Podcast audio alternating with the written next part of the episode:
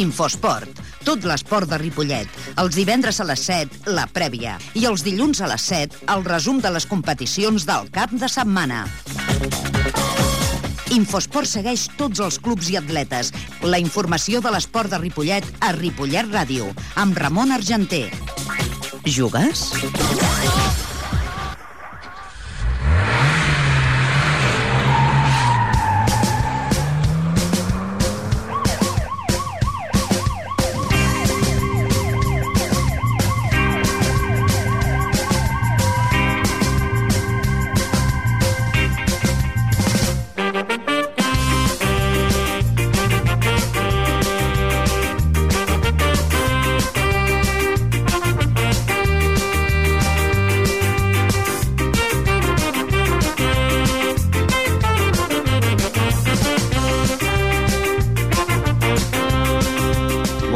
tarda, són les 7 i 5 minuts i comencem ja el programa d'esport, les vies de so, Fran Lladriu, Cuspada, Ramon Argenter. Us hem de dir, demanant de tots, eh, demanant perdó, pel dilluns que no vam poder fer el programa, i això que teníem avisats doncs, de tots els entrenadors que teníem que trucar-los, però què passa? Que no estan preparats per nevades, i poca neu que va caure, doncs aquí no anava la ràdio, el tema no es va arreglar, no anaven els telèfons, i tenim unes quantes trucades en directe que no les vam poder fer. Per tant, avui serà un programa que farem una, podríem dir, mitja part del dilluns i mitja part del divendres, no? Com tots els, els equips, tots els, esports que tenen dues parts.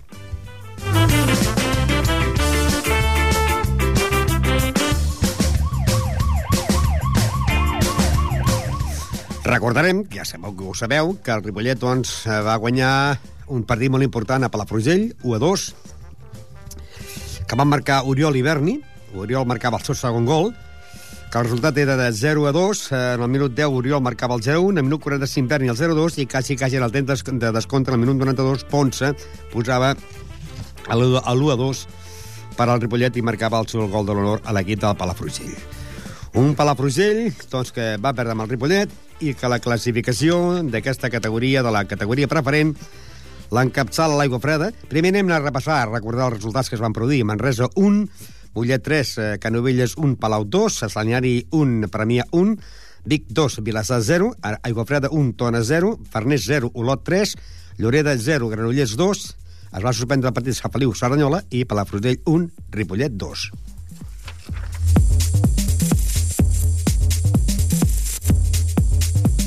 La classificació actual és Aigua Freda 59 punts, seguit de l'Olot amb 49, Mollet 48, Ripollet 48, Premià del 37, eh, Vic 31, els mateixos que el Granollers, Palau, Tona i Farners, tots en 31 punts.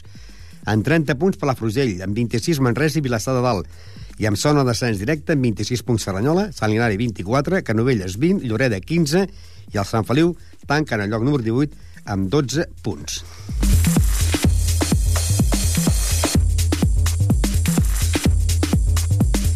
I aquesta setmana és molt important pel Ripollet perquè, tal com han dit aquest matí l'informatiu, doncs eh, aquesta setmana es podria dir que se juga una carambola. Una carambola eh, a tres bandes, no? Per què? Perquè s'enfrenten els quatre primers classificats de la Lliga. La quiniela per aquesta setmana seria Palau, Palafrugell, Premià, Canovelles, Vilassar, Sant Feliu, eh, Tona, Vic, Olot, Aigua Freda, o sigui que el Olot, que en aquests moments marxa a la segona posició en 49 punts, juga a casa seva amb el equip de l'Aigua Freda. Granollers contra el Farners, el Lloreda contra el Manresa, el Saranyola contra el Salinari i el Ripollet contra el Mollet, que són el tercer i quart classificat. O sigui, aquesta setmana juguen els quatre primers entre ells, no? Què hauria de passar? Mm, Jo, jo crec que eh, l'important és que el Ripollet guanyi, que el Ripollet guanyi a la Mollet. A la primera volta el Ripollet ja va empatar camp de Mollet amb 1 a 1 amb gol de Berni. I que jo crec que l'Olot tindria que perdre amb l'aigua freda. Per què tindria que perdre amb l'aigua freda? Perquè l'aigua freda sembla ser que serà el líder indiscutible. Té 59 punts. A, a, a, 9, pu- a 10 punts està l'Olot. I a 11 està el, el Mollet i el Ripollet. Si el Olot perdés a casa amb l'aigua freda, i el Ripollet guanyés el Mollet, el Ripollet es posaria a la segona plaça. I què passa a la segona plaça? El primer puja automàticament i el segon promocionaria. En canvi, si l'Olot guanyés a l'Ego Freda, a l'Ego Freda continuaria estant líder, eh, i l'Olot continuaria anant a la segona posició, i el Ripollet, doncs, amb una victòria, podria passar a la tercera. El bo seria, doncs, que per aquesta vegada el Vic faci preu de lo que és el líder i guanyés el camp d'Olot i el Ripollet guanyar amb el Mollet. Aquest partit començarà, doncs, a les 12 del migdia d'aquest diumenge i recordeu, doncs, que el Ripollet és quart a la Lliga amb 48 punts i el, el Mollet és tercer amb 48 punts i l'altre partit, Olot, aigua freda. Uh, deixem ja el Ripollet, no tenim els talls dels entrenadors perquè, lògicament, aquest dilluns no vam poder parlar en directe amb cap dels entrenadors que estaven avisats per entrar en el programa en directe en el programa. Per tant, sí, els tindrem. Si no, tornen a va, els tindrem doncs, el proper dilluns. Dic, que, per acabar amb el Ripollet, que el Ripollet porta un total de 36 gols marcats, 36 a favor, 21 en contra, i el seu màxim realitzador és el jugador Cristóbal San José, que porta 16 gols. Futbol, futbol, I direm ara, doncs, a més futbol, en aquest cas, el futbol de la tercera territorial, a on la setmana passada doncs, es van jugar els partits següents. El Barcino va guanyar en el Sant Cugat per 7 a 4, el Júnior va guanyar en la Penya Blaugrana Sant Cugat per 3 a 0, el Santa Barbeta va guanyar la Fundació en 2 a 1, el Nou Vallès i el Roureda van empatar 2, va, va descansar l'equip de la Farga, el Diagonal va guanyar en l'Esdila per 4-0, el Mirasol va guanyar en l'Edefut per 2-0 i la Penya Portilla Pajaril va guanyar en la Llagosta per 2 gols a 1 amb gols d'Ismael i de Ramon i que hem de dir doncs, que en la primera part, en el, en el minut 18 de la primera part, Isma posava l'1-0, Ramon posava el 2-0 i quasi, quasi al final de partit de falta venia el 2-1 de l'equip de la Llagosta, que va donar una bona impressió i que és tercer la Lliga.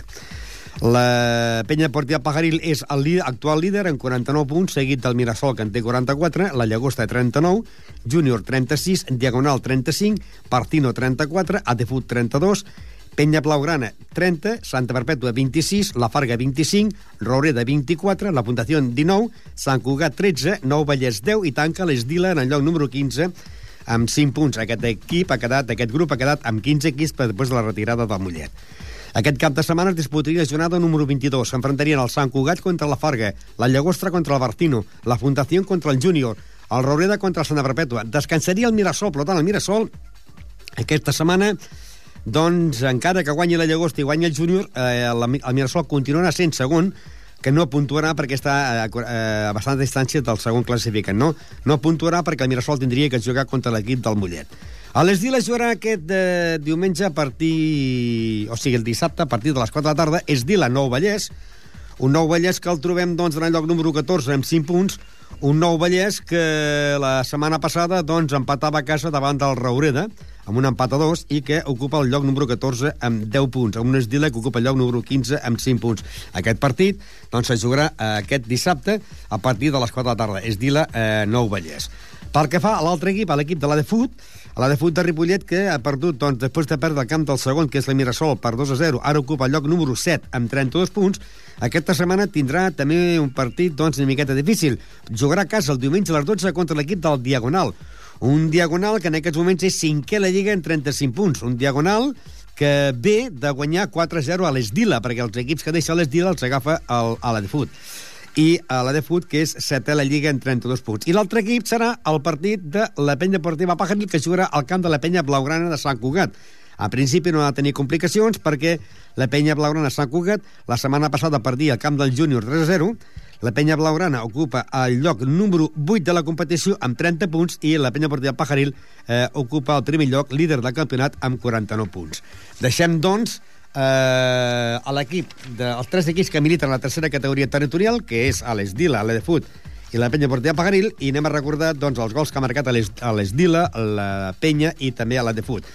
Eh, a l'equip de la penya Portilla Pagaril ha marcat un total de 62 gols i n'ha encaixat 19, o sigui, 62 gols a favor, 19 en contra, i que el seu màxim anotador, el seu màxim realitzador, és el jugador Ismael Chamón, que porta 11 gols. Pel que fa a l'equip de l'Adefut, doncs a la de Fut porta un total de 57 gols a favor, 36 en contra, i el seu màxim eh, golejador és el jugador Perianyet, que en porta 12. I finalment, a l'equip de l'Esdila, és l'equip que ha marcat molts pocs gols, n'ha marcat 22, n'ha encaixat 84, i el seu jugador José Tanyan és el màxim golejador amb 5 gols.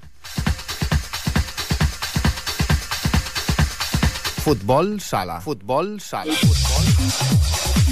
I anem al món del futbol sala. També anem a repassar, doncs, que la setmana passada els resultats varen ser els següents. La jornada número 22. Barcelona 4, Mataró 4. El Barça és el proper rival del Ripollet. Eh, a l'escola Pia Sabell va tenir jornada de descans per la tirada de l'Inca, Hospitalet 4, Premià 2, Vilassar de Mar 4, eh, Bristes Esport 5, Canet de Mar 8, Cacerres 3, Esplugues 8, per Micasa 3, i el Ripollet, que va perdre a la pista del Corbera, anava guanyant per 0-2 i va perdre per 7-3, amb 3 gols, de, un de Sergio, un de Juanele i un de Juanito. Líder, Corbera, 52 punts, seguit amb 47 punts a la segona posició de Vilassar de Mar i Hospitalet. El Barça, eh, que durant moltes temporades, eh, o sigui, diverses vegades, eh, era el líder, ara eh, ocupa la quarta posició amb 43 punts. Bar Micasa, 31. El Ripollet ocupa la plaça número 6 amb 30 punts, els mateixos que la Unió de Santa Coloma de Gramenet, que en té 30. Brises Esport, 29. Amb 27 punts, Mataró i Canet de Mar. Amb 26, Esplugues. Amb 25, Escola Tieda i Premià de Mar. I amb 20 zona de descens directe, el Gavà amb 22 i el Cacerres de Mallorca amb 19. Deixant per l'última posició l'equip de l'Inca amb 0 punts. Aquest cap de setmana la seria la jornada número 23. S'enfrontaria la Bar Micasa contra el Corbera. Descansaria el Mataró per la retirada de l'Inca. Escola Pia Sabadell, Hospitalet. Premià de Mar, Vilassar. Brises Esport, Canet de Mar. Cacerres, La Unió. Gavà, Esplugues i el Ripollet, Barcelona.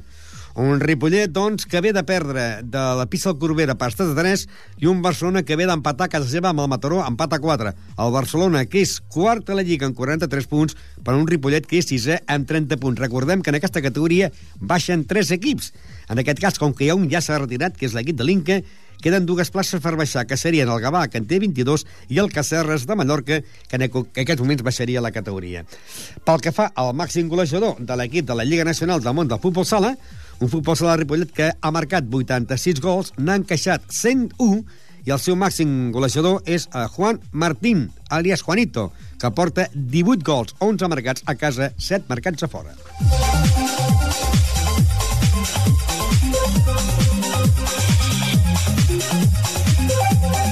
Futbol sala. Futbol sala. I seguim a més futbol sala, en aquest cas, a l'equip B del Ripollet. És curiós l'equip B del Ripollet de futbol sala perquè és un equip que des de que es va crear cada any ha anat pujant de categoria.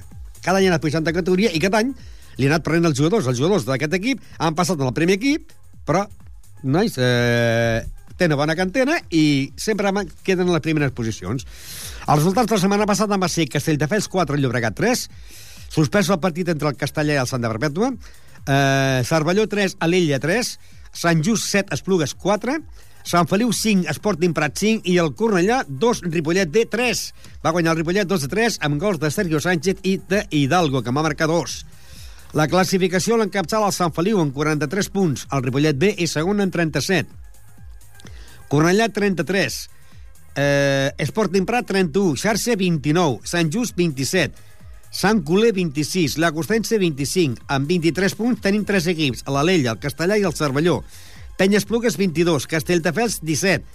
I amb zona de descens tenim el Plat Llobregat en 15, el Gornal amb 13 i tanca el Sant de Barbètua amb 10 punts. Aquesta setmana s'enfrontarien el Ripollet B contra l'equip del Llagostense. El partit, senyor res de nou, seria a partir de les 5 de la tarda Ripollet B Llagostense. Si mirem el Llagostense, doncs eh, la setmana passada el Llagostense eh, va perdre el seu partit amb el, amb el Sant Coler i el Llagostense ocupa la plaça número 8 amb 25 punts per un Ripollet D que ocupa la plaça número 2 amb 37 punts i estaria en zona d'ascens. Eh, al món del futbol sala hem de dir que l'equip B, que milita a la categoria, categoria territorial preferent, ha marcat un total de 85 gols i n'han queixat 64, i que el seu màxim realitzador és, o golejador és el jugador Sergio Sánchez, que porta 18 gols, 13 marcats a casa, 5 a fora sumen aquests 18, i en aquests moments seria el que s'emportaria el trofeig d'Infosport.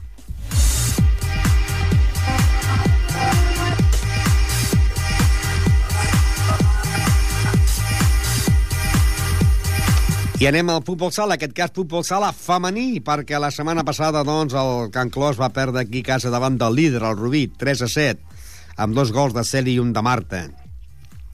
La resta de partits, el Vallirar va tenir jornada de descans per la retirada de l'equip del Penyíscola, el Plànega i el Manlleu van empatar dos, el Safranar de València va guanyar la penya Andorra eh, d'Hospitalet per 5 a 1, els Ponis van perdre amb el Masnou 1 a 4, i la classificació l'encapçala el Rubí amb 37 punts, seguit de la Vallirana i Manlleu amb 28, Ponis 19, Penyes Plugues 14, Plànega 11, Maristes 10, Can Clos està en el lloc número 8 amb 9 punts. I atenció perquè darrere té el Masnou amb 8 I l'equip del Penyíscola en lloc número 10 amb 7 punts, però aquí ja no baixa ningú. Baixava només un equip, d'aquests 10 equips en baixava un. Però després de la retirada de l'equip del Penyíscola, que s'ha retirat amb 7 punts, ara doncs, la lluita seria entre el Maristes, de València, el Can Clos i el Masnou per veure qui no queda últim de la Lliga. En aquests moments, penúltim és el Can Clos amb 9 punts, seguit del Masnou, que en té 8, ocupa les últimes posicions. I aquesta setmana s'enfrontarien en la jornada número 14. Hem de dir que en aquesta jornada número 14 tindria jornada de descans a l'equip del Vinaròs, eh, que no juga perquè es va retirar, doncs tindria descans a l'equip del Rubí. Descansaria el Rubí, la Penya Espluga s'enfrontaria al Plànega de Canàries, el Masnou contra el Safranar de València, els Ponis contra la Vallerana i el Manlleu serà el rival del Can Clos. Un Manlleu que la setmana passada empatava Canàries amb un empat a 2, amb un Can Clos que perdia 3 a 7, i que el Manlleu és tercera lliga amb 28 punts eh, i el Can Clos ocupa la plaça número 8 amb 9 punts. Aquest partit seria a partir de les 6 de tarda Manlleu-Can Clos de l'emissió de plata femenina. Deixem el Can Clos equipar dient que en aquests moments porta marcats un total de 38 gols i en contra en té 53 i que hi ha dues jugadores que en aquests moments es disputen el trofeig d'Infosport. Olga Huertas i Sonia Alonso. Olga Huertas porta 8 gols marcats i Sonia Alonso en porta 8 també. Si ara ves la competició, s'emportaria el trofeig Sonia Alonso perquè ha marcat 5 gols en camp contrari. I hi ha una normativa que, eh, que han posat aquí a la ràdio, doncs que en cas d'empat, eh, amb un mateix eh, equip, entre dos jugadors o dos jugadores es doni aquell, aquell trofeig a aquell jugador que hagués marcat més gols de penal o en cas d'empat també amb aquell jugador que hagués marcat més gols en camp contrari. Deixem ja el munt del futbol sala femení dient que l'equip del Can Clos B la setmana passada doncs, guanyaven el Martorelles per 4 a 2, que està a la primera divisió femenina, que ocupa la plaça número 10 amb 17 punts i que la setmana passada va ser Provençalenc 3, Palau 4, Centelles 9, Sampador 4, Tallà 2, Cervera 9, Arenys de Montset, Hospitalet 4 i Can Clos B 4, Martorelles 2, amb un gol de Nerea, un de Begunya, un de Mònica i un de Mireia. Líder, Cervera i Palau de Plegamans empatats a 41 punts. Tercera posició per al Tallà, 32. Hospitalet, 31. Penya Blanca i Blava, Sant Andreu, 28. Arenys de Munt, 27. Sant Pedor, 23. Centelles, 20. Sant Just, 19. Can Clos B ocupa la plaça número 10 amb 17 punts. Penyes Plugues, 12. Martorelles, 10. Panteres Grogues, 9. I Provençalenc, amb 5 punts. Atanquen el lloc número 14.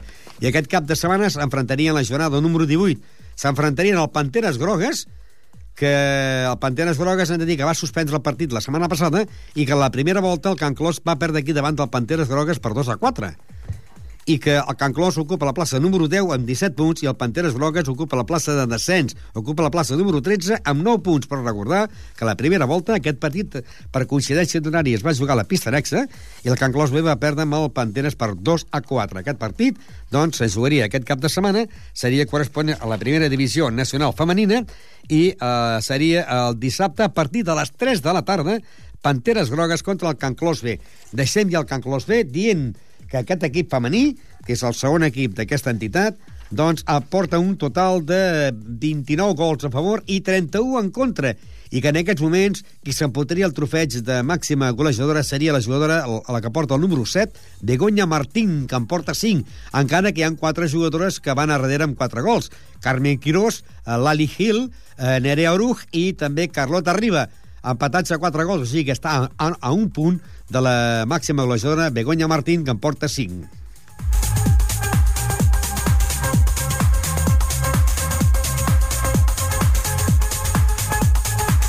Hockey. Hockey.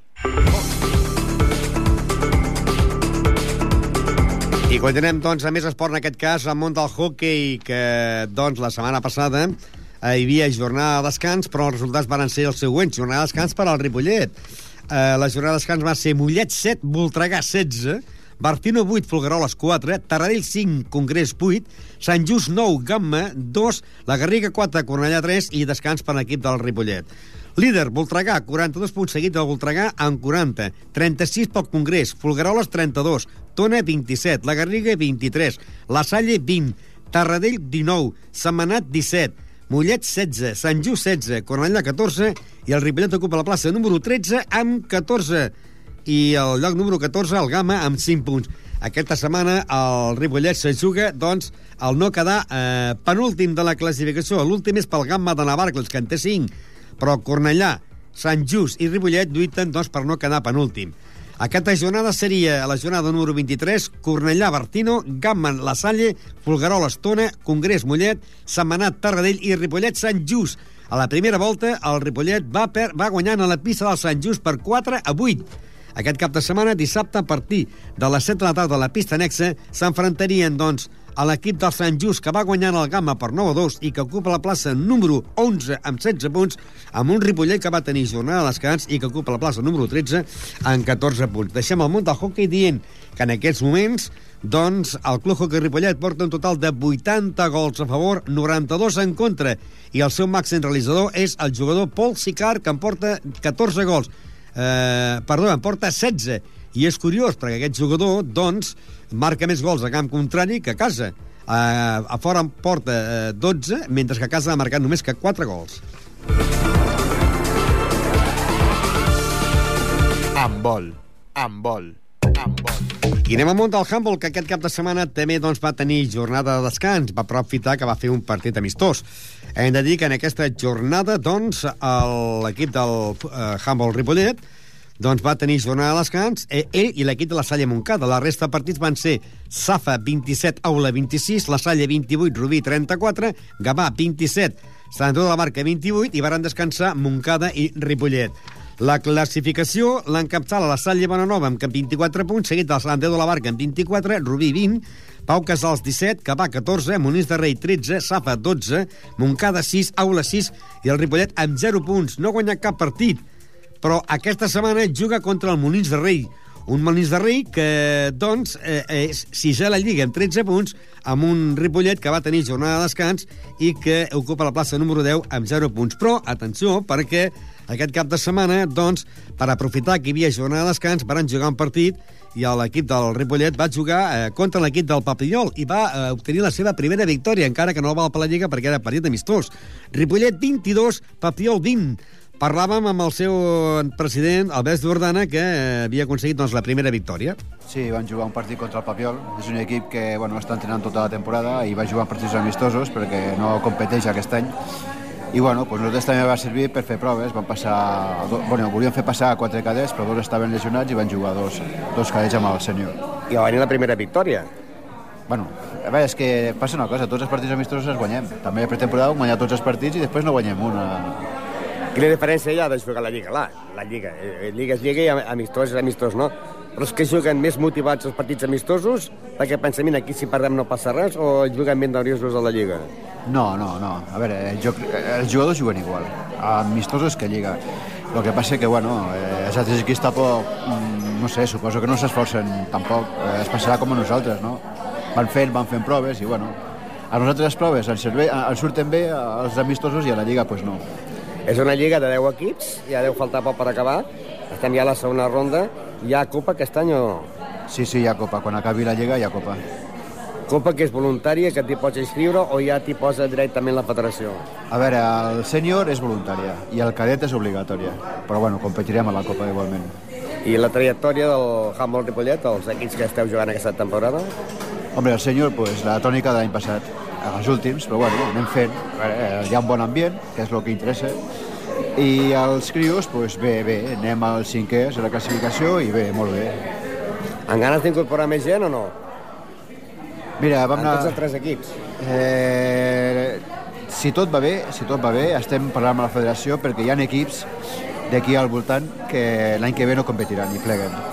I estem parlant per incorporar, sobretot, juvenils que és el que interessa, equips juvenils. El senyor, bueno, tinc que mantenir el senyor perquè ja té que haver un equip a dalt. Però el que ens interessa a nosaltres és treballar baix. I a part estem treballant ja per muntar a partir de final d'aquest curs, proper curs, l'escola de Hamburg. Una competició que hi ha 10 equips i cada setmana descansen dos. Per què dos? Perquè el calendari... 100 parts? Sí, no, no, sí, perquè el calendari està fet amb 12 equips perquè no hi ha calendari per fer per 10, amb 10 equips. Llavors són, diguéssim, fan un grup de 12 equips, falten dos, cada, cada setmana descansen dos. I la propera setmana? La propera setmana juguem aquí contra el Molins de Rei, i bueno, ja ho veurem, allà vam perdre de 3, ah, ja ho veurem, a veure què surt. teòricament podria ser assequible perquè bueno, tenen gent molt, molt veterana, molt bons, veteranos ja tots, tots veteranos de 30 i pico, 40 anys, no? Però bueno, a veure, són veteranos amb molta classe, que han jugat a alguna divisió d'honor, hi ha dos que havien jugat amb el Granollers, i Sant Esteve de Rovires, que està allà al costat de Molins, i en categoria nacional han jugat quasi tots. Clar, en aquesta categoria hi ha molts equips que juguen jugadors que han sigut importants, que han sigut bons i com a hobby juguen en aquesta categoria, no? Sí, sí, hi ha equips com a, bueno, com a Molins de Rei, com a Pocasals, que són equips molt veteranos, i després hi ha equips molt jovens, com a Salla Bonanova, que la Salla Bonanova té un equip per primera catalana, i, i com el Gavà, que també té equip per primera catalana, llavors, bueno, fan eh, 24 fitxes de tercera, i van eh, els jugadors van passar de primera, de tercera a primera catalana. Clar, tenen fitxa del segon equip, poden jugar amb el primer equip. I en les temporades que porteu, us heu trobat mai algun jugador eh, dels que viene aquí a Ripollet eh, fent d'entrenador a altres, o directiu a altres clubs? No, no, no. A categoria superior sí que hi ha. Al Polinyà, per exemple, hi ha tres jugadors de Ripollet, a l'entrenador és de Ripollet, bueno, que està a la directiva nostra, el que passa que bueno, allà cobra un sou, aquí no, no cobra, i és el que muntarà l'escola de handball aquí a Ripollet. I de jugadors d'aquells que estaven al primer equip quan es jugava la màxima categoria? No, no, no, no, no hi ha cap. Són gent que van desaparèixer i no, no, no estan al món del handball? No, igual està al món del handball, però no ens han trobat amb, el, amb cap equip. Bueno, hi ha un jugador que jugava, que és molt amic meu, que jugava a Salla Moncada, que està entrenant a, a Claret, que també és un dels equips que estem parlant amb ells per, per vindre, perquè bueno, allà a Claret estan descontents. Cada jugador allà per jugar paga al voltant de 500 euros per temporada perquè tenen que pagar pista de lloguer, pista de per jugar, i, bueno, i estem parlant amb ells i bueno, la cosa està bastant calenta, el que passa que bueno, eh, ja veurem què passarà. El partit d'aquesta setmana se- serà dissabte o diumenge, perquè un dia jugueu diumenges, no, també? Sí, aquesta setmana el senyor juga diumenge després del futbol sala, ai, perdó, dissabte després del futbol sala, dos quarts de nou, i l'equip cadet juga a tres quarts d'una el diumenge. Tenis taula, tenis taula, tenis taula. I anem al tenis tal, però abans dit doncs, que l'equip del Handball Ripollet eh, aquesta setmana, doncs eh, sí, tenen partits, com han dit, i que jugarà aquí a casa, i ho farà doncs, eh, després del futbol sala, serà cap allà a les 8 del vespre en Ripollet, Molins de Rei. I hem de dir, per acabar doncs, del de futbol sala, ai, perdó, del, del Handball Ripollet, que porta un total de 305 gols a favor, 437 en contra. Ha marcat 140 gols a casa, 165 a fora, sumen 505, ai, 305, perdó, i i hem de dir que el seu màxim anotador, el seu màxim golejador, és el jugador amb el dorsal 54, Sergio Pons, que porta un total de 73 gols.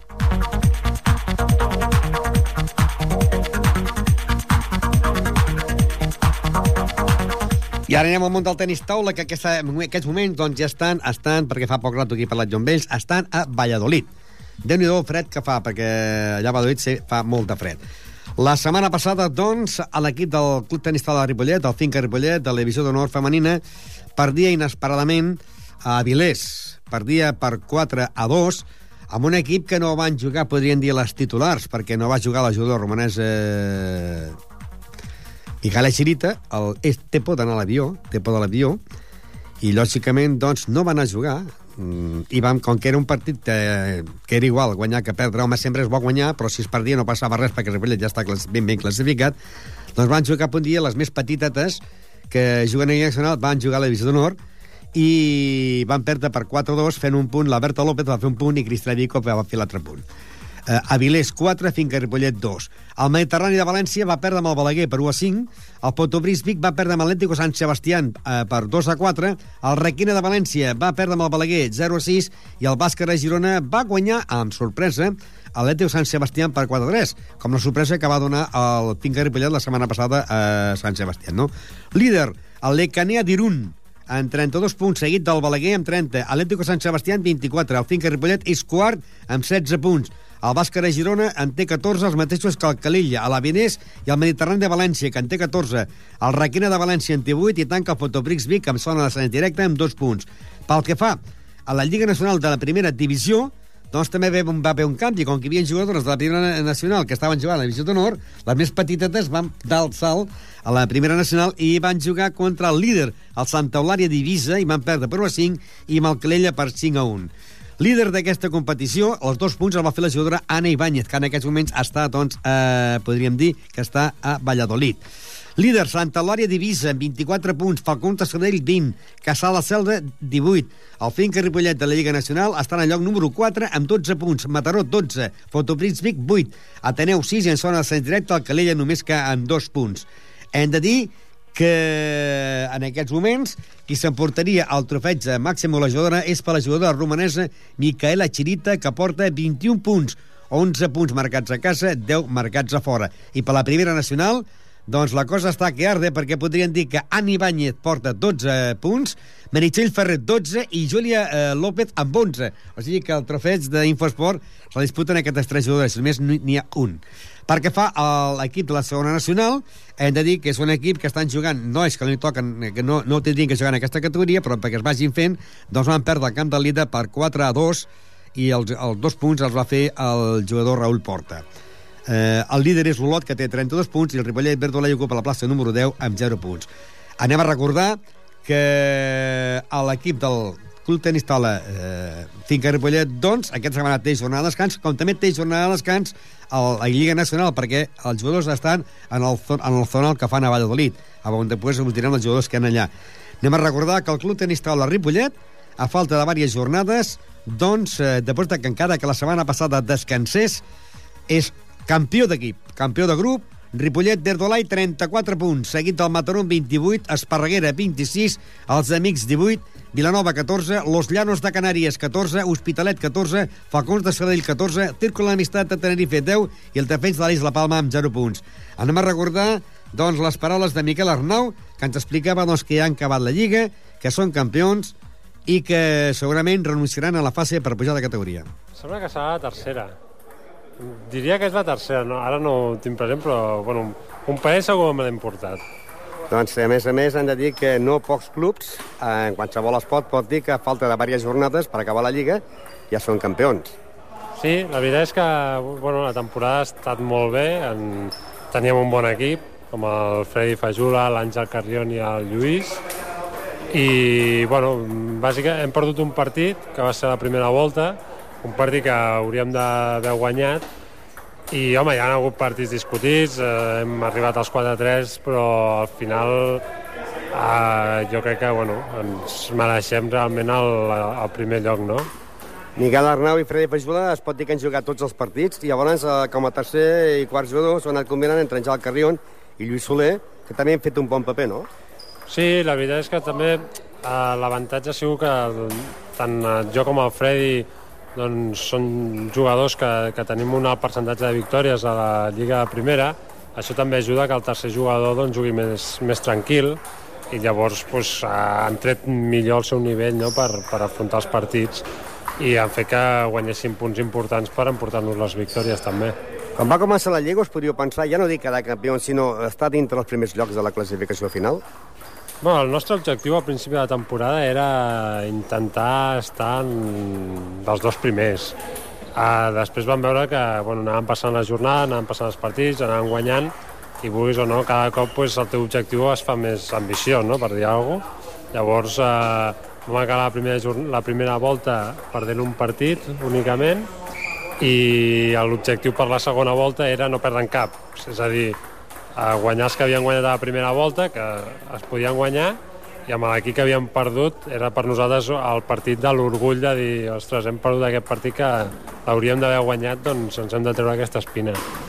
I ara què? Eh, es farà la fase de cens per pujar a la divisió d'honor i si es puja es renunciarà o bé renuncia a fer la fase?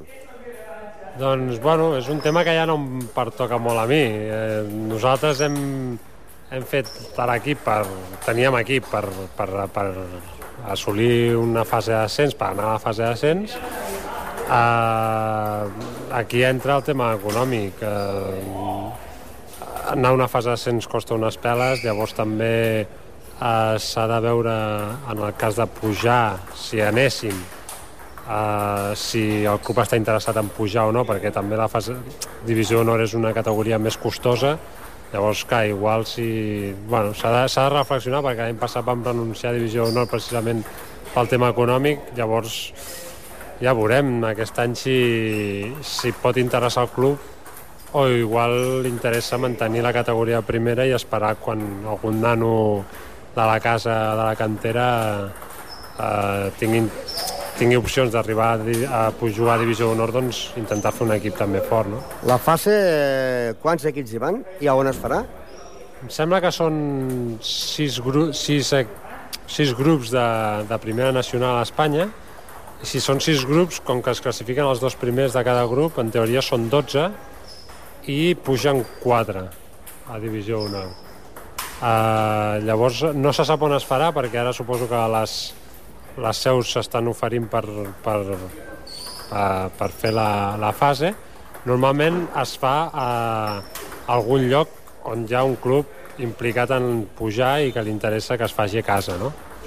Uh, no ho sé, he sentit notícies que potser Mataró podria ser, estan interessats, també si queden segons del nostre grup, ells els hi toquen a la fase, llavors igual ells estan interessats a pujar i, i, i tenen interès per organitzar la fase. Ara mateix encara no se sap.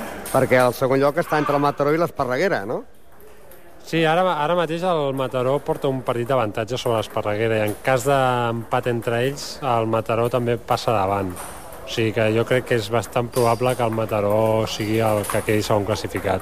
I tornant a, a les peles, doncs, aquest any s'ha trobat un patrocinador, Aceitunes Verdolai, que potser va pensar, bueno, eh, ja que he invertit uns diners en aquest equip, que ha quedat campió, eh, campió eh, abans de 3 o 4 jornades per acabar la fina per arribar al campionat de campionat, i a més a més, amb un sol partit, perdut, doncs potser dirà, bueno, mira, va, jo pago els, faig els, amb els gastos i també doncs, vull que es faci la fase d'ascens.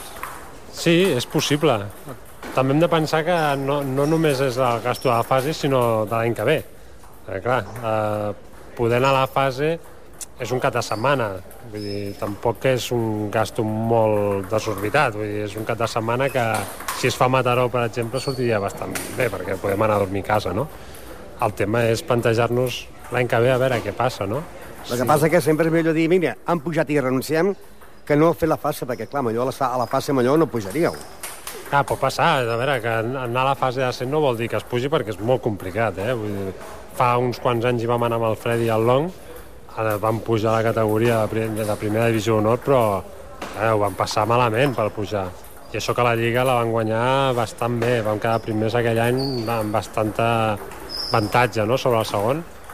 Les fases sempre són molt complicades, hi ha equips d'Andalusia que són molt, molt potents i tenen... Potser també la crisi ha afectat aquests equips de primera que a l'igual no es presenten amb jugadors estrangers com altres, altres anys. És possible. La veritat és que això no se sap bàsicament fins que t'ho trobes, perquè bueno, a, a primera sí que es pot mirar, no? a veure quins grups, quins jugadors hi ha als altres grups. Jo sé d'Andalusia que té algun equip fort. Uh, clar, tampoc saps si puges l'any següent a veure quins, quins clubs surten, quins jugadors tenen, perquè també depèn econòmicament de tenir jugadors estrangers o no tenir-los, per poder mantenir una categoria, per dir alguna cosa, però bueno, tot això és fer suposicions i ara lo important és saber bueno, plantejar si anirem a la fase amb intenció de pujar o si no hi anirem. Vull dir, això és el que ara ens hauríem de plantejar. Tenis taula. Tenis taula. Doncs bé, les paraules de Miquel Arnau. Acabem el món del tenis taula dient que aquesta setmana hi ha jornada de descans perquè les noies estan, doncs, a Valladolid. Han arribat aquesta tarda a Valladolid. Sobre les 4 de la tarda arribaven a Valladolid. Hem de dir que la setmana passada Júlia López eh, va obtenir la medalla de bronze en el torneig internacional que es va fer aquí a Catalunya i que aquesta setmana, doncs, a la categoria Levin estaran durant aquests dies entre avui divendres, dissabte i diumenge a la categoria infantil, o sigui, a Levin femení, eh, Júlia López i Laura Chirita, que seran les jugadores que estaran representat aquí al, al Ripollet en aquest tonal que es fa eh, per la Federació a Valladolid. A la categoria infantil femení hi haurà la jugadora Anna Ibáñez. A la categoria juvenil femení, a Berta López. I a la categoria sub-23 tindrem a Cristina Vico, que estaran doncs, des d'avui divendres fins al diumenge a Valladolid. Bàsquet. Bàsquet. Bàsquet. I anem món del bàsquet, que el Club Bàsquet Ripollet la setmana passada doncs, guanyava 86 a 60 en l'equip de Sant Josep de Badalona. Líder, Grup Osorio, que té 39 punts, seguit del Barberà amb 38, eh, Figueres 37, Santa Coloma 37, i el Ripollet ocupa la plaça número 10 amb 32 punts, després de que guanyés, doncs, en l'equip de el Sant Josep de Badalona, el va apallissar, perquè 84-60, en el primer temps 23-13, el segon temps, el descans 37-24, 63-39 i final 84 a 60. Favorable a l'equip del Club Bàsquet Ripollet, que aquesta setmana jugarà contra Sant Andreu de Natzaret, també de Badalona ocupa la plaça, el Ripollet ocupa la plaça número eh, 10 amb 32 punts. El Sant Andreu de Natzaret, que la setmana passada doncs, eh, perdia en la pista del Barberà per 83 a 64, ocupa la plaça número 14 amb 29 punts. Un Ripollet que, com dèiem, doncs, després d'aquesta gran victòria es manté en el lloc número 10, encara està en zona de perill per la promoció, eh, porta dos, 22 partits jugats, 1.672 punts a favor i 1.670 en contra, o sigui que la cosa està molt apretada i ocupa la plaça número 10 amb 20-32 punts. Aquest proper diumenge, a partir de dos quarts de sis de la tarda, eh, Sant Andreu de Natzaret de Badalona contra el Club Bàsquet Ripollet de la Copa Catalunya. També a la Copa Catalunya, però de la categoria a on està el Ripollet B a tercera, la setmana passada el Ripollet B va a guanyar en el Castellà per 58 a 68 i ocupa la plaça número 12 amb 30 punts. Està en zona de promoció per la permanència. El líder és el badalonès Montigalà i segon és el Berga, que tenen 40 i 39 punts. I aquest cap de setmana s'enfrontarien el Ripollet B jugarà a la pista del Parets del Vallès. Seria el dissabte a partir de dos quarts de vuit eh, contra el Parets Parets Ripollet D. Un Parets que la setmana passada doncs perdia a la pista del Berga per 86 a 58 un Parets que ocupa la plaça número 10 amb 32 punts, amb un Ripollet D que ocupa la plaça número 12 amb 30 punts. Pel que fa a la tercera categoria, el líder és eh, una setmana més la Vell Gasó, després de que la setmana passada guanyés i apallissés en el setmanat per 78 a 51, mentre que el Gasó Caixa Girona perdia per 78 a 66 a la pista del Regina Carmeli. Líder, la Vell Gasó, que té 40 punts, seguit del Badalona amb 37. L'equip del Gasó, Caixa Girona, ocupa la plaça número 8 amb 28 punts. I aquest cap de setmana s'enfrontarien el Badalona contra la Vell Gasó. El Badalona hem de dir que és el segon de la Lliga, amb 37 punts serà un partit molt important. Badalona, la Vell Gasó, primer contra segon, i el Gasó Casa Girona jugaria contra el Can Sant Joan, que s'enfrontarien el sisè contra el vuitè. I finalment, a la categoria femenina, doncs la setmana passada, sorprenent victòria de l'equip del bàsquet femení Ripollet, que va guanyant a la pista del Lliçà damunt per 28 a 53. Líder Llavaneres, que té eh, 35 punts, seguit del Martí Juràssic amb 33. I l'equip del bàsquet femení Ripollet ocupa la plaça número 11 amb 22 punts. Aquest cap de setmana s'enfrontarien el diumenge a les 11 aquí en el pavelló Joan Creus, bàsquet femení Ripollet contra l'Illa d'Hospitalet. Aquest equip la setmana passada guanyava a casa el Llenàs per 61 a 52.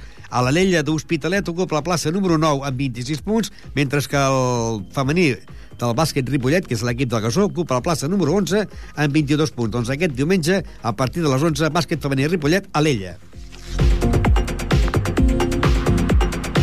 Tenis. Tenis. Tenis. Tenis. I anem al món del tennis, que, doncs, els partits eh, d'aquest cap de setmana seria a la Copa Catalunya de, de per comarques, a l'equip de la categoria absoluta s'enfrontarien el Badalona contra el Víctor Trosses, de Ripollet, i el Ripollet contra el Torelló. La classificació l'encapçala el Badalona, que té 26 punts, i el Ripollet està en el lloc número 4 amb 19 punts, mentre que el Víctor Tossa està el lloc número 9 amb 3 punts. I pel que fa a l'equip de jugadors de més de 40 anys, s'enfrontarien aquest cap de setmana al Caldes i el Ripollet, sempre i quan no plogui, ja saber com que el tennis és les pistes de l'aire lliure, si cauen quatre gotes els partits se suspenen. Caldes-Ripollet.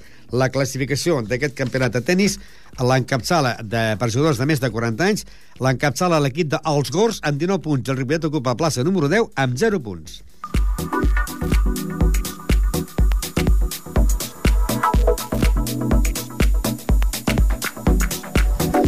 Bueno, ja aquest cap de setmana, Miguel, ha anat una miqueta així de, de cul, podríem dir en planta, perquè, lògicament, hi ha vegades que quan volem parlar amb els nens eh, hem de demanar permís amb els entrenadors i a vegades et diuen doncs, tal dia, tal hora, i a vegades que no pot ser, perquè a lo millor doncs, aquell dia pot ser aplaçat o per motiu d'on no hi ha hagut entrenament, y en aquest cas, eh, esta semana te has visto negro, ¿no?, para contar protagonistas. Sí, me ha costado un poco, pero estaban entrenando los del Víctor Trosas de tenis y aproveché para cogeros otra vez. Porque al principio teníamos que ir a hockey, con hockey ha habido un poquito un problema No, hockey de no, to- entrenamientos. tocaba tenis de mesa. ya, pero y, eh, también eh, habían cambiado el horario de entrenamiento Sí. y no ha podido ser, ¿no? Lo cambiaron y entrenan martes y jueves. Ya nos pasaremos próximamente. Es que esta semana han adelantado, han adelantado los entrenamientos porque esta mañana, esta, esta mañana partían para, para Valladolid. Por eso eh, adelantaron los entrenamientos y cambiaron un, día. cambiaron. lo cambiaron para, para poder marchar para Valladolid. Vale, vale. Pues aprovechando, como hemos dicho, que estaban los de Víctor Tosas entrenando, cogimos a dos chicos, eh, Sandra Gutiérrez, de 13 años, y Eric Yamuza, de 12. Sandra empezaba, ha empezado hace poco, hace un año, a jugar a tenis, mientras que Eric ya lleva más años. Empezaremos por, por Eric, que nos va a contar cómo conoció eh, el tenis. Ah, no sé, mi madre me dijo que, que el tenis también podía ser un deporte y entonces vine aquí al tenis. ¿Probaste otro deporte antes? Sí, estaba en natación. ¿Y te gusta más este que natación? Sí, ¿Y tú cómo lo conociste, el deporte? Porque mi padre juega y me llevaba a jugar con él. ¿Y en qué equipos has jugado? ¿Siempre aquí? Sí. ¿Tú también? sí, también. ¿Te irías a otro equipo del pueblo? No sé. No, aquí estoy bien. Yo no, porque este ya me gusta. Vuestros entrenamientos, que os he pillado aquí en medio de uno, ¿en qué consisten? Pues ah, jugamos o tiramos, no, hacemos cubos, que es tirar bolas y eso. Ya. mejorar. Cuando falláis en el partido algo, ¿lo, lo trabajáis luego en el entrenamiento? Sí. En- Lo comentamos en clase y luego lo trabajamos. ¿Y en qué, en qué sueles fallar tú? En los saques. ¿Qué te pasa en los saques? ¿Le das mucho a la red o...? Sí, a la red y a veces se van fuera. Esto también es por altura, ¿no? Cuando vas creciendo, más fácil. Ya, sí. ¿Y tú en qué fallas en los partidos? Pues me dicen que no me muevo mucho y eso. ¿Cuántas horas entrenáis a la semana? Pues entrenamos los lunes, miércoles y viernes de seis y media a ocho. Son cuatro horas y media, ¿no? ¿Y cómo compagináis los estudios con el entrenamiento?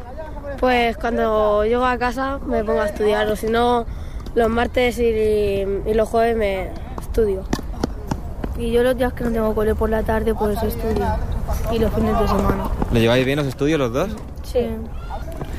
¿Tenéis alguna anécdota que contar? Sí, una vez estaban jugando y uno saltó la valla y se cayó, se rompió la pierna y tuvieron que venir la ambulancia y todo. ¿Saltó la valla No, la red, Ah. y se cayó. y para qué la saltó? Porque estábamos jugando, quería ir rápido y saltó la valla y se cayó. ¿Y en este 2010 qué esperáis conseguir? No sé, torneos. ¿Jugáis muchos torneos durante el año? Sí, bueno. Ahora jugamos eh, el de Tarrasa y otro. ¿Y cómo han, cómo han ido hasta ahora? Bien. ¿Qué creéis que tiene que tener un jugador de tenis completo? Em, tener mucho tiempo de práctica y todo eso. ¿Algo más que añadir? Pues Aparte de tener mucho juego y tenerlo bien. Y aparte la psicología, ¿la ves importante en este deporte? Sí, porque eso te ayuda a estar más motivado y eso. Y cuando un partido se, se alarga mucho, ¿os notáis cansados o llegáis con físico suficiente como para aguantarlo? A veces suficiente, a veces ya nos notamos cansados en el último set. ¿Cuál es la clave para ganar los partidos?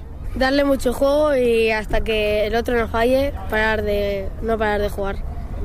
Pues si dura mucho el punto, no ponerte nervioso hasta que falle el otro.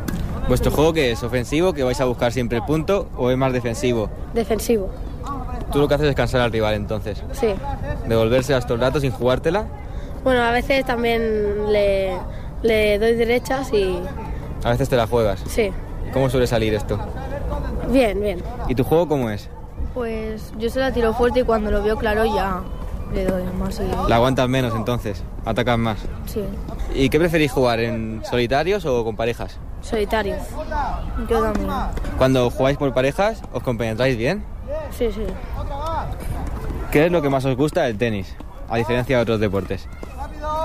Pues no sé, que si está, si te puedes desahogar y le puedes y me lo paso bien. Pues no sé, divertirme y aprender. Una grabación que se efectuó el miércoles, porque lógicamente el lunes, después de la nevada, no, No. se podía ir a ningún sitio. Yo tampoco iba a salir el lunes. No, se suspendieron, porque además, además aquí nos hizo programa de deportes y iba anunciando eh, las calles que se habían cortado y se había cortado el acceso al polideportivo. sí, me imagino que lo cerrarían también. Bueno, después de ver estos dos chicos que son la noche y el día, ¿no? Eric es más defensivo, mientras que Sandra juega más al ataque. Vamos a, recordar también que en julio el, el Víctor Trosas, el- la escuela esta de tenis, organiza un torneo de 24 horas y que los socios tienen entrada gratuita y el resto que si quiere participar también puede. Puede acudir allí y apuntarse. Y que este año, a más a más del Club Tenis, eh, hasta ahora seguíamos también los pasos de los equipos del Club Tenis eh, Ripollet, de los equipos, no de la base, sino de, de los equipos que, que... Porque las categorías van por, por edades, ¿no? La categoría de más de 18 años y la categoría de más de 40 años, ¿no? Jugaban la liga del Baix Llobregat.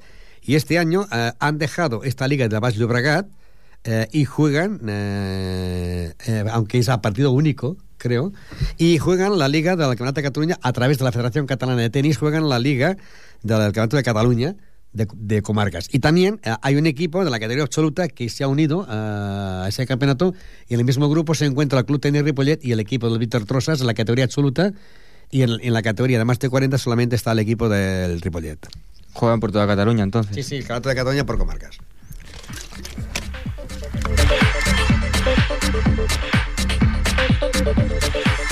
Doncs podríem aprofitar, i ara que estàs aquí, i ara que estàs aquí, per recordar que ja hem parlat de futbol, però anem a recordar que la setmana passada, en la quiniela del Ripollet, pues eh, nada más acertaste que dos resultados, ¿eh?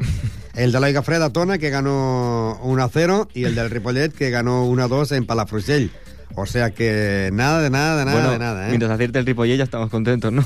Ah, pero también se trata de por lo menos a- a acertar, acertar algún, algún, algún, algún partido, ¿no? Vamos a hacer la quiniela de esta semana. A ver, ¿cómo va? Jornada número 24, segunda vuelta. Mira, eh, a la primera vuelta fue eh, Palafrugell 1, Palau 1, Canovelles 2, eh, Premià 3, Sant Feliu 1, Vilassar 0, Vic 0, Tona 1, Aigofreda 4, Olot 1, Farners 1, Granollers 2, Manresa 3, Lloreda 0, Salinari 0, Saranyola 0 y Mollet 1, Ripollet 1, gol de Berni. Perdón, la jornada número 20 20 24. Palau, Palau, Palafrugell. Creo que va a ganar el Palafrugell, que lleva ya dos, dos derrotas seguidas. Ya tocaría. Un 2. Premia Canovellas. Un 2 también. Vilasa Sant Feliu. 1. Tona, Vic. 1 eh, también. Olot, Aigua Freda. Aquí un 2 por los intereses nuestros también. Es lo que dije antes yo. Sí. Granollers, Farners. Una X. Toreda, Manresa. 2. Sardañola Salinari. Dos. Y Ripollet Mollet. Eh, uno también. Y goles de Cristóbal y Pedro. 2-0.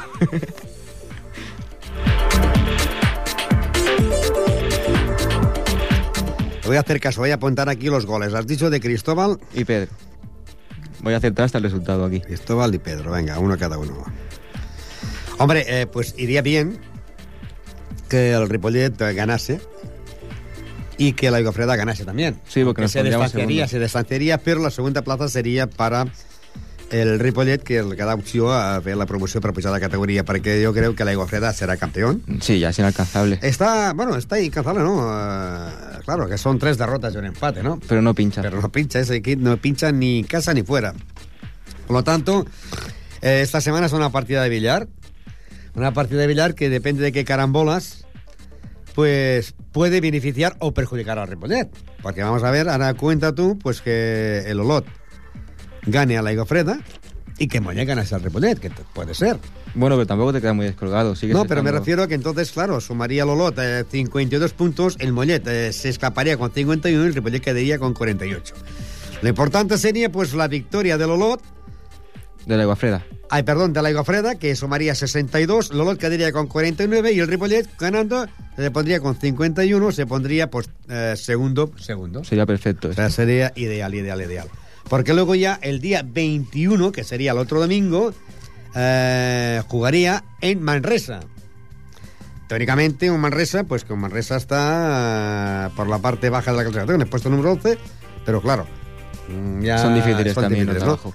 Doncs bé, perquè hagi arribat a final del programa, hem de dir que aquest cap de setmana farem un repàs als partits que hi haurà. Ripollet, Mollet, Penya Blaugrana, Sant Cugat, Pajaril, Esdila, Nou Vallès, Adefut, Diagonal, el de futbol sala, Ripollet, Barcelona, el Ripollet D contra el Llagostense, el Manlleu contra el Can Clos i el Panteres Grogues contra el Can Clos B. Al món del bàsquet, Sant Andreu de Natzaret de Badalona, Ripollet, Parets, Ripollet D, Gasó, Caixa Girona, Can Sant Joan, Badalona, la Vell Gasó, en bàsquet femení, Ripollet, Alella, en uh, hockey, Ripollet, Sant Just i en handball, Ripollet, Molins de Rei. El tenis taula té jornada de descans perquè estan a Valladolid i diem que aquest cap de setmana es produirà ja la sortida número 2 de, de la categoria cicloturisme i el Club Ciclista Ripollet farà un recorregut de 126 km i s'anirà cap a Sant Sabrià Vallalta.